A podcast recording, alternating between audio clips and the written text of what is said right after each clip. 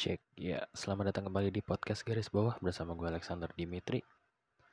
Gimana kabar kalian? Semoga sehat-sehat semua di tengah terpaan Omikron. ya, buat kalian yang belum pernah kena COVID, selamat. Buat kalian yang udah survive dari COVID, hebat. Apaan sih anjing? Oke, gue nggak tahu kenapa jadi komputer gue rusak. Komputer yang selama ini gue pakai buat nge-record podcast buat ngedit podcast dan lain-lain itu rusak. Jadi gue kali ini nge-record pakai HP mungkin kalau kualitas audionya agak beda atau audionya raw aja gitu nggak diedit ya mohon maaf mohon maklum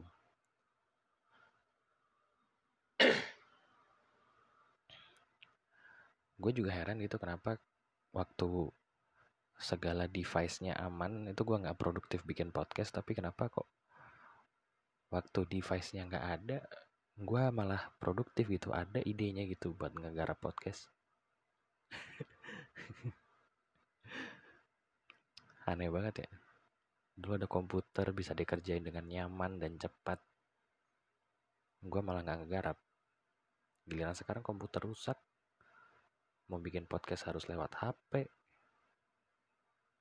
tiba-tiba kenapa ada gitu idenya? Heran. Hari ini tema podcastnya adalah pengembangan diri. Anjay. Enggak sih lebih tepatnya gue tuh pengen sombong. Karena dulu waktu SMA gue itu jadi quote unquote pusat contekan bahasa Inggris. Jadi kalau kita ekstrak inti dari kesombongan gue adalah gue pengen nyombong gue jago bahasa Inggris gitu.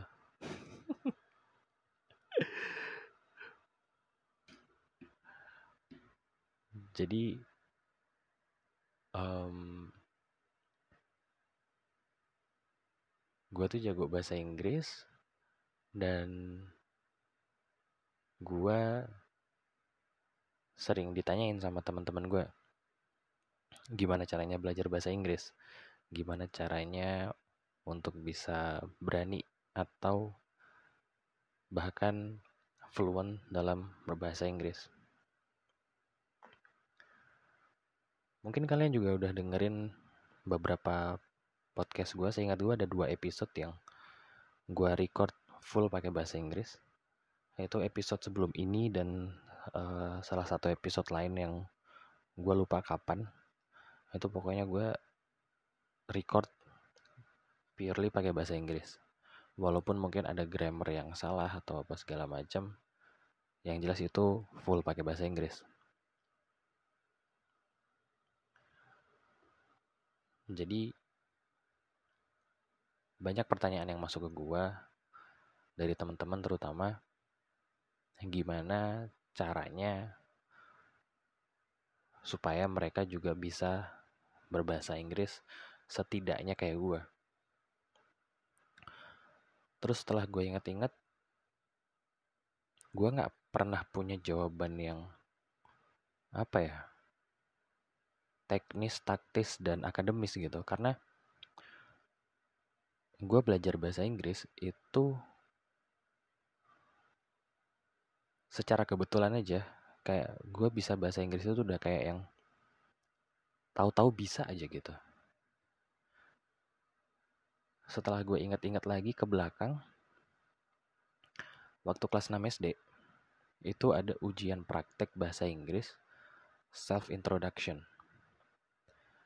itu gue nggak bisa ngapa-ngapain gue nggak bisa ngomong apa-apa gitu.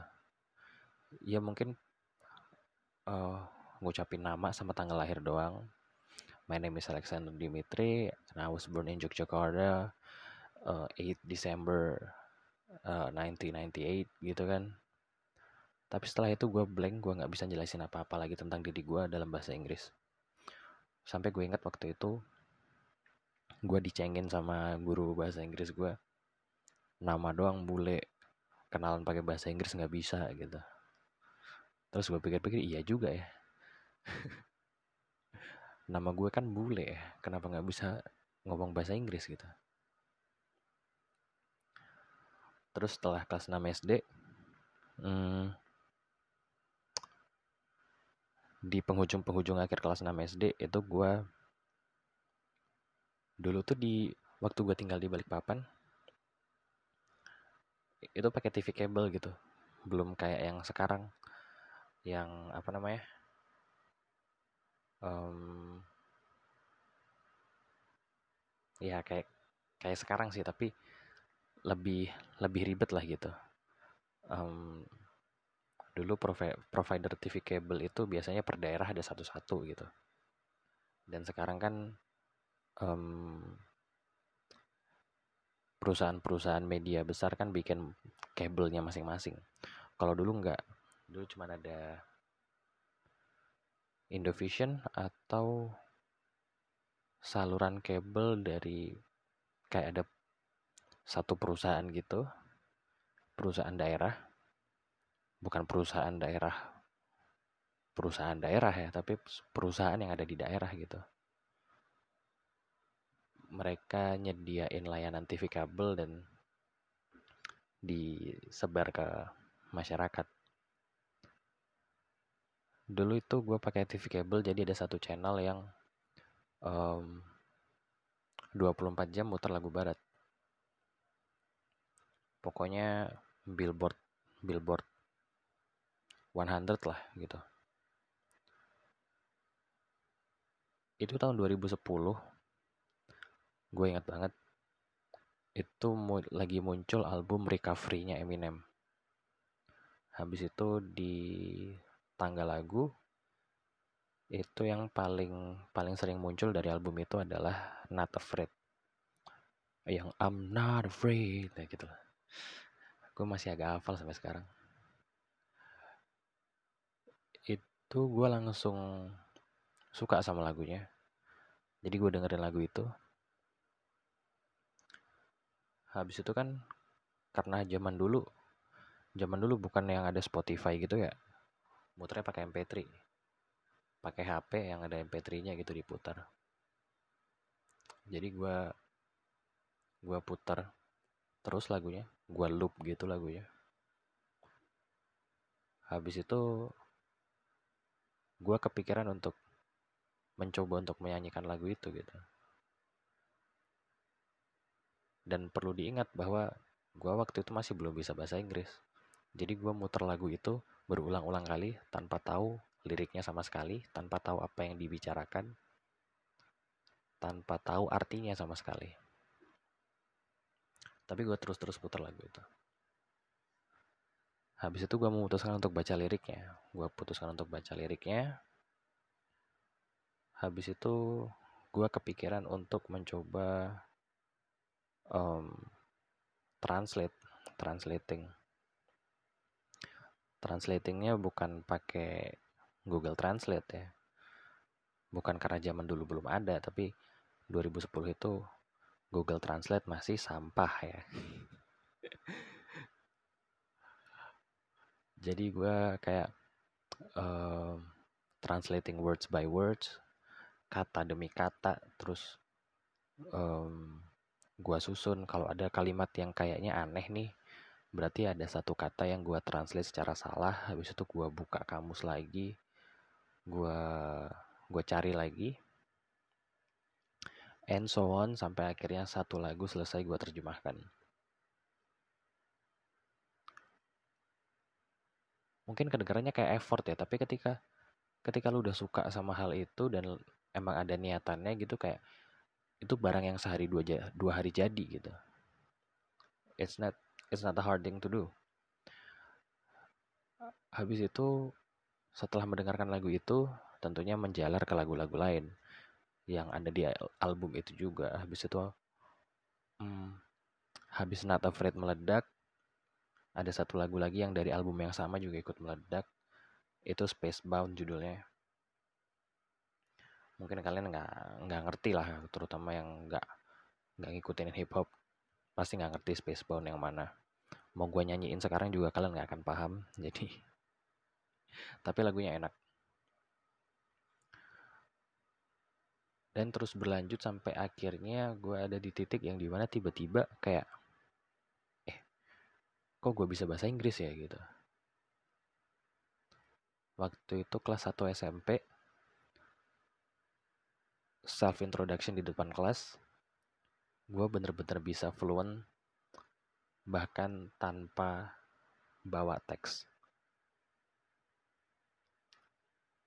Di titik itu gue menyadari bahwa eh kok gue bisa bahasa Inggris nih sekarang? Kayak aneh aja gitu.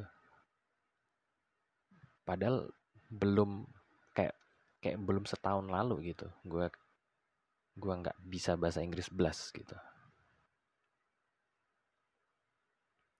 Mulai dari situ um, waktu kelas 1 SMP tentunya bahasa Inggris yang gue ketahui masih yang sederhana-sederhana aja uh, setidaknya yang bisa gue gunakan um, tapi dari situ gue bisa punya kesempatan untuk nonton video YouTube yang berbahasa Inggris. Zaman dulu kan di YouTube belum ada subtitle ya. Jadi orang-orang yang nggak bisa bahasa Inggris tentunya nggak nonton YouTube yang berbahasa Inggris gitu. Dengan kemampuan bahasa Inggris gue itu, gue punya kesempatan untuk nonton video video-video di YouTube yang menggunakan bahasa Inggris karena gue udah nggak perlu subtitle. Nah uniknya gini, di titik itu adalah gua nggak bisa um,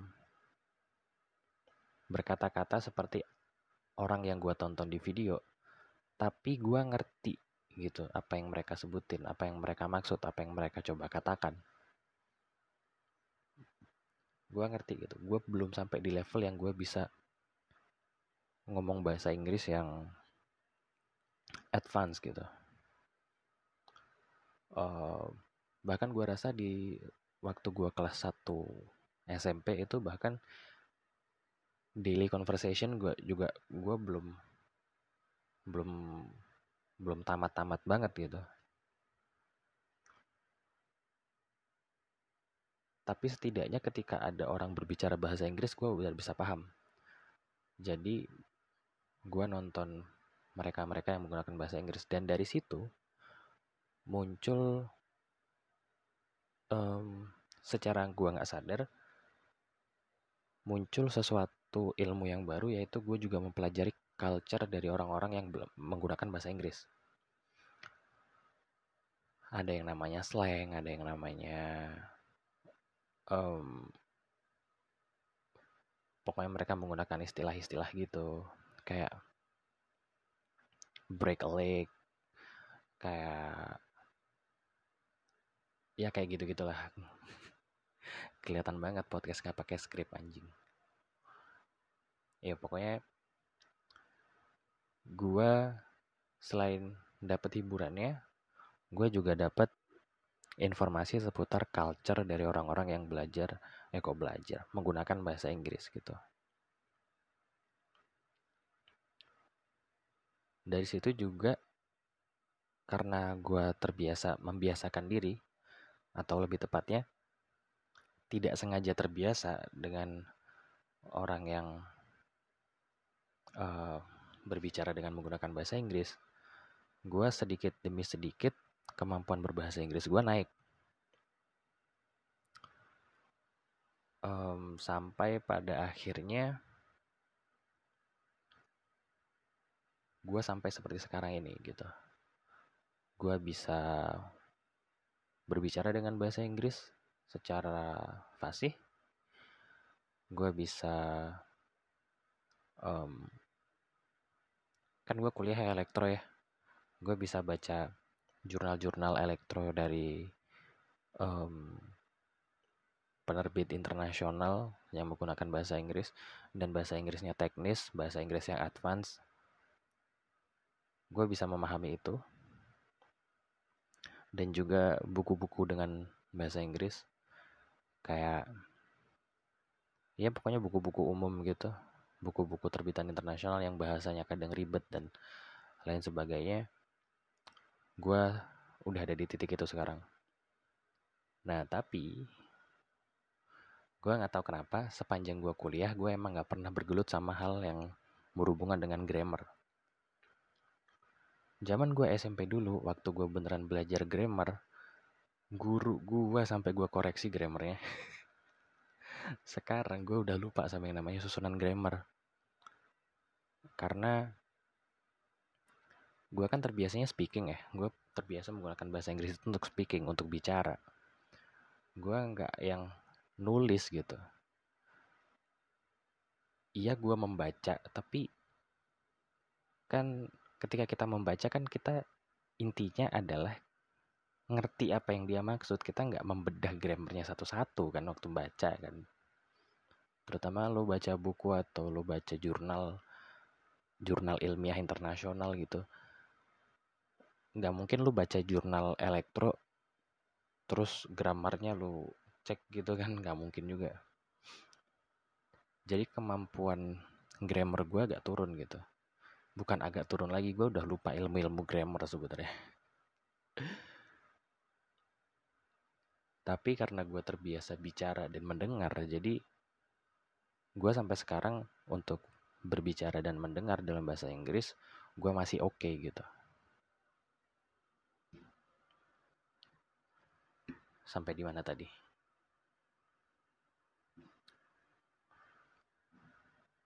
Iya.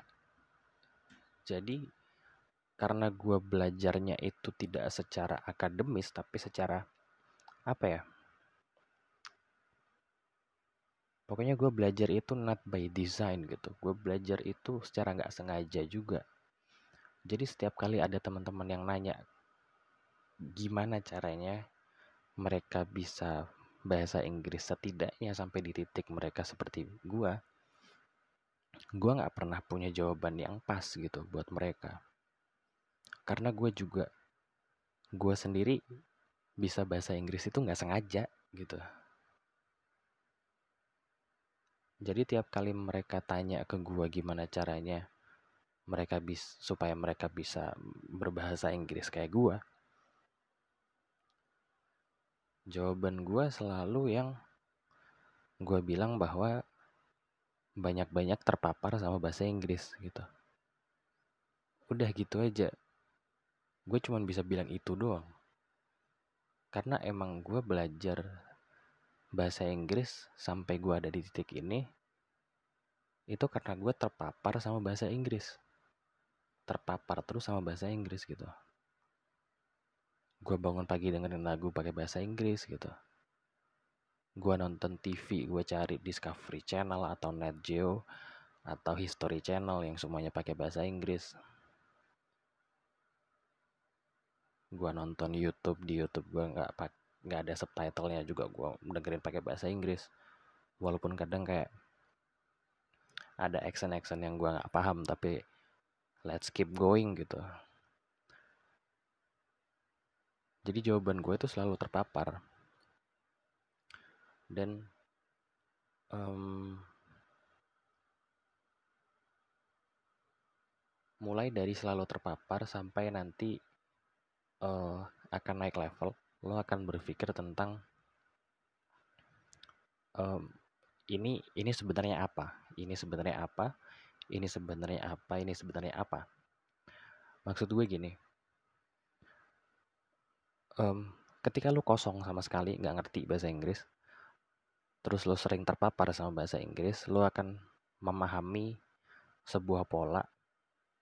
Ya seperti pada umumnya um, lu tinggal di sebuah daerah yang bahasa daerahnya lu asing sama sekali tapi nanti pada akhirnya ketika lo sering dengar mereka menggunakan bahasa daerah mereka eventually lo bakal memahami nih ada pattern yang mana um, kata ini biasanya digunakan dalam kondisi ini. Ada kemungkinan kata ini artinya adalah ini.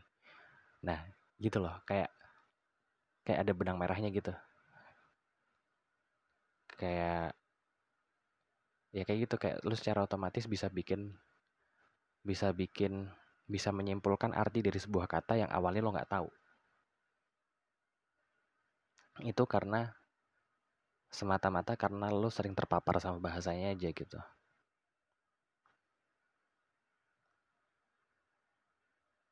Kalau sudah sampai di situ nanti, lo akan naik level lagi ke arah yang lo ngerti artinya di dalam bahasa yang lo bisa. Kayak kayak paham kan? Paham maksudnya gak sih? Ini gue nggak ini sebabnya gue nggak jadi guru gitu. Karena gue kalau jelasin sesuatu yang kayak gini-gini ini gue nggak jago gitu. Jadi nanti kayak apa ya? Lo bisa memahami konteks. Nah, konteks gitu. Jadi lo bisa bikin jadi lo bisa mengartikan satu kata yang lo awalnya nggak tahu sama sekali arti katanya itu apa. Tapi karena lo pahami konteks kondisi di mana kata itu diucapkan, lo jadi bisa menyimpulkan bahwa kata itu artinya adalah ini gitu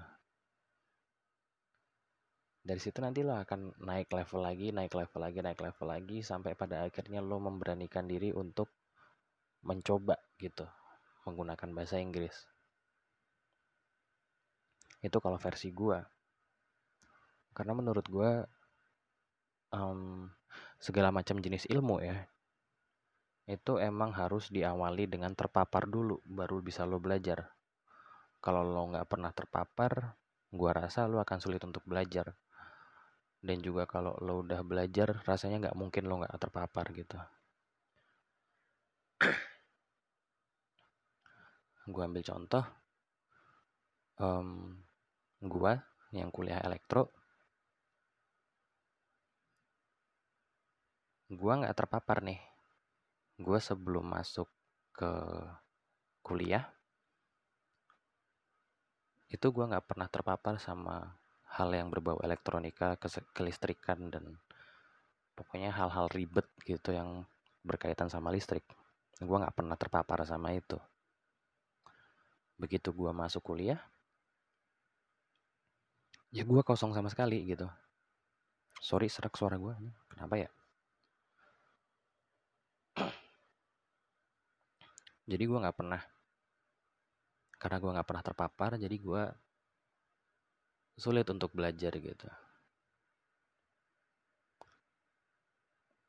Sedangkan um, teman-teman gue yang dari SMK, mereka-mereka yang lulusan SMK, yang jurusan kuliahnya sama sama gue, satu kelas bareng sama gue, satu angkatan sama gue, itu mereka udah terlebih dahulu terpapar dan belajar gitu. Terpapar dalam artian ya mereka mereka mereka terpapar sama ilmu-ilmu elektronika, mereka terpapar sama ilmu-ilmu hmm, ya ilmu-ilmu yang berhubungan sama elektronika gitu. Lalu mereka terbiasa, lalu mereka belajar, lalu mereka bisa pada akhirnya. Sedangkan gua baru masuk fase terpapar itu sekarang gitu awal kuliah gitu baru masuk fase terpapar. Jadi untuk gue masuk ke fase belajar paham dan bisa itu agak ke delay dibandingkan sama mereka gitu.